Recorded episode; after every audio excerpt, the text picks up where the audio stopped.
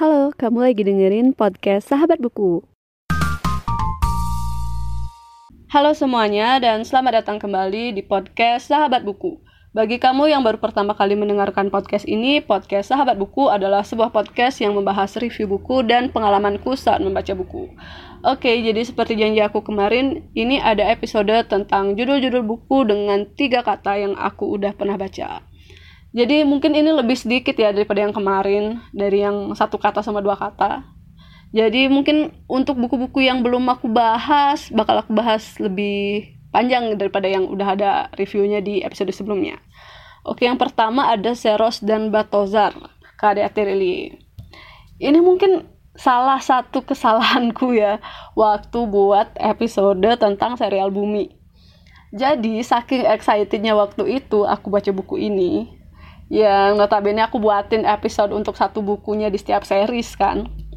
Jadi, ini tuh sebenarnya lebih ke side story-nya gitu.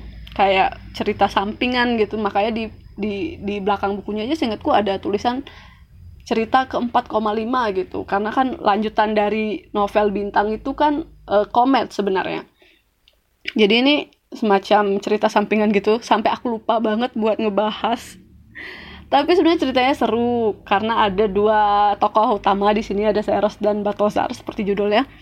Jadi uh, Raib, Sally dan Ali tuh berpetualang ke seingatku ke apa ya? Museum deh seingatku tuh. Uh, terus nanti mereka bakal masuk ke dunia paralel lagi dan ketemu dua tokoh ini dengan uh, perawakan mereka yang berbeda gitu. Nah mungkin kalau kalian suka aku bakal buatin episodenya aja gitu karena udah bener-bener lupa waktu itu. Dan mungkin kita lanjut ke buku selanjutnya. Ada orang-orang biasa karya Andrea Hirata. Ini udah aku sempat bahas. Terus ada seni hidup minimalis karya Francine J.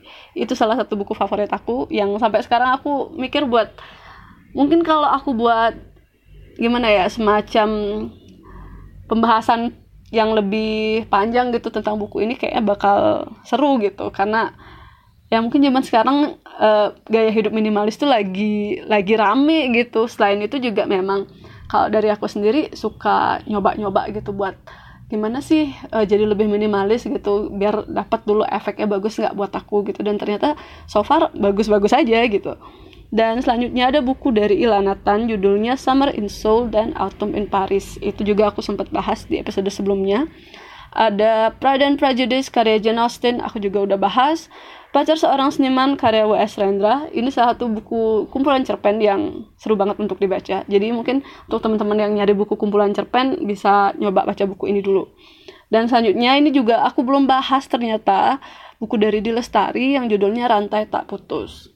Oke, kalau boleh jujur aku beli buku ini karena ada pre-order dengan tanda tangan Dilestari. Jadi aku nggak punya ekspektasi macam-macam awalnya karena ini buku non fiksi yang aku pikir gimana ya kalau uh, dilestari nulis nulis buku non fiksi gitu ternyata dari kalau boleh bilang yang bagian awal yang yang bab pertama tuh kayaknya yang ngebahas tentang seorang yang dia tuh overwork gitu deh lupa lupa sih sebenarnya kayak singkatku ada yang overwork terus dia hampir kecelakaan apa gimana.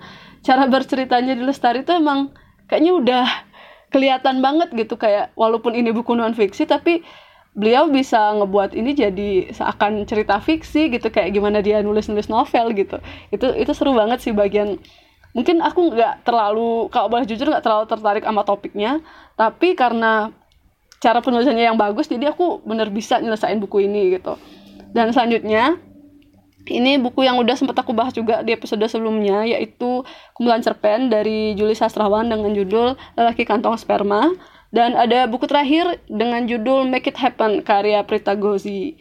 Nah, ini aku kayak belum sempat bahas di podcast. Jadi mungkin kalau kalian pengen gitu boleh nih request buku ini karena ini isinya penting banget untuk kita apalagi yang mungkin baru lulus kuliah, terus juga mungkin baru baru tahu tentang pendidikan finansial gitu. Kayak aku aja baru pas baca tuh kayak eh seriusan kita butuh uang segini gitu.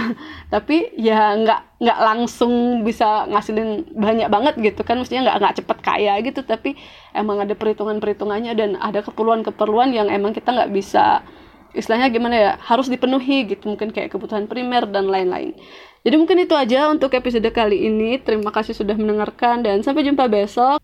Jangan lupa follow dulu.